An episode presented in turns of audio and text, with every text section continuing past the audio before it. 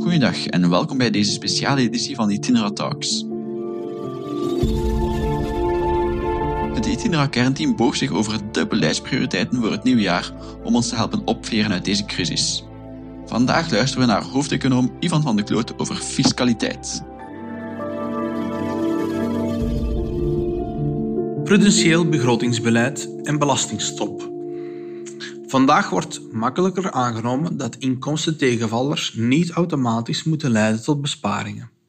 Wel moet op middellange termijn echt opnieuw aangeknoopt worden met schuldafbouw. We moeten nu een prudentieel begrotingsbeleid voorbereiden en ons niet rijk rekenen met de lage rente. Hogere uitgaven moeten gaan naar heel productieve investeringen of gefinancierd worden door minder uitgaven elders. Een verhoging van de totale belastingsdruk kan echt niet. Het is goed dat er sprake is van implementatie van het Nationaal Pact voor Strategische Investeringen.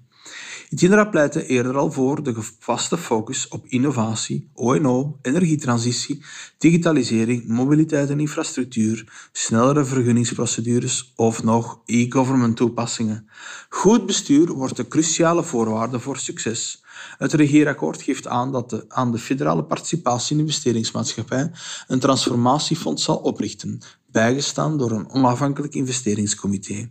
Het verdient aanbeveling om te denken aan een tijdelijk fonds met een afgeleid budget, beheerd met steun van experten, noodsteun die zeer snel, maar ook zeer selectief wordt besteed, op basis van duidelijke marktanalyse en een business case. In dit land leent men altijd, en vooral voor lopende uitgaven. Er moet een shift naar productieve investeringen komen. Cruciaal is een focus op de kerntaken van de overheid en opdrachten met de grootste maatschappelijke meerwaarde. Het probleem is dat de overheid haar taak niet altijd op een excellente wijze uitoefent. Denk aan de enorme investeringen in infrastructuur en de kwaliteit van het spoorwegnet. De dienstverlening laat nog steeds te wensen over. Het regeerakkoord benadrukt de noodzaak van een diepgaande fiscale hervorming in ons land. Itinera bepleitte dit al met het boek Tax Shift. Er is in het land inderdaad een consensus gegroeid dat ons systeem wordt gekenmerkt door vele uitzonderingen, vrijstellingsregimes en verschillen in behandeling en tegelijk hoge belastingtarieven. Ook het regeerakkoord pleit nu voor een bredere fiscale hervorming om het belastingstelsel te moderniseren, te vereenvoudigen, meer rechtvaardig, meer neutraal te maken. Tindra waarschuwt ervoor om te veel in de pre-corona-logica te blijven hangen. We zitten nu met zo'n diepe economische schok dat economische groei de voornaamste prioriteit moet zijn. Welvaartscreatie is nu het belangrijkste. Het heeft geen zin om de discussies van voordien voor te zetten alsof er niets is gebeurd. Het laatste wat we nodig hebben zijn nieuwe belastingen. België kent al een hoge belastingsdruk op vermogen en vermogensinkomsten met 11,2% van het bbp, zelfs bijna de hoogste druk in de EU.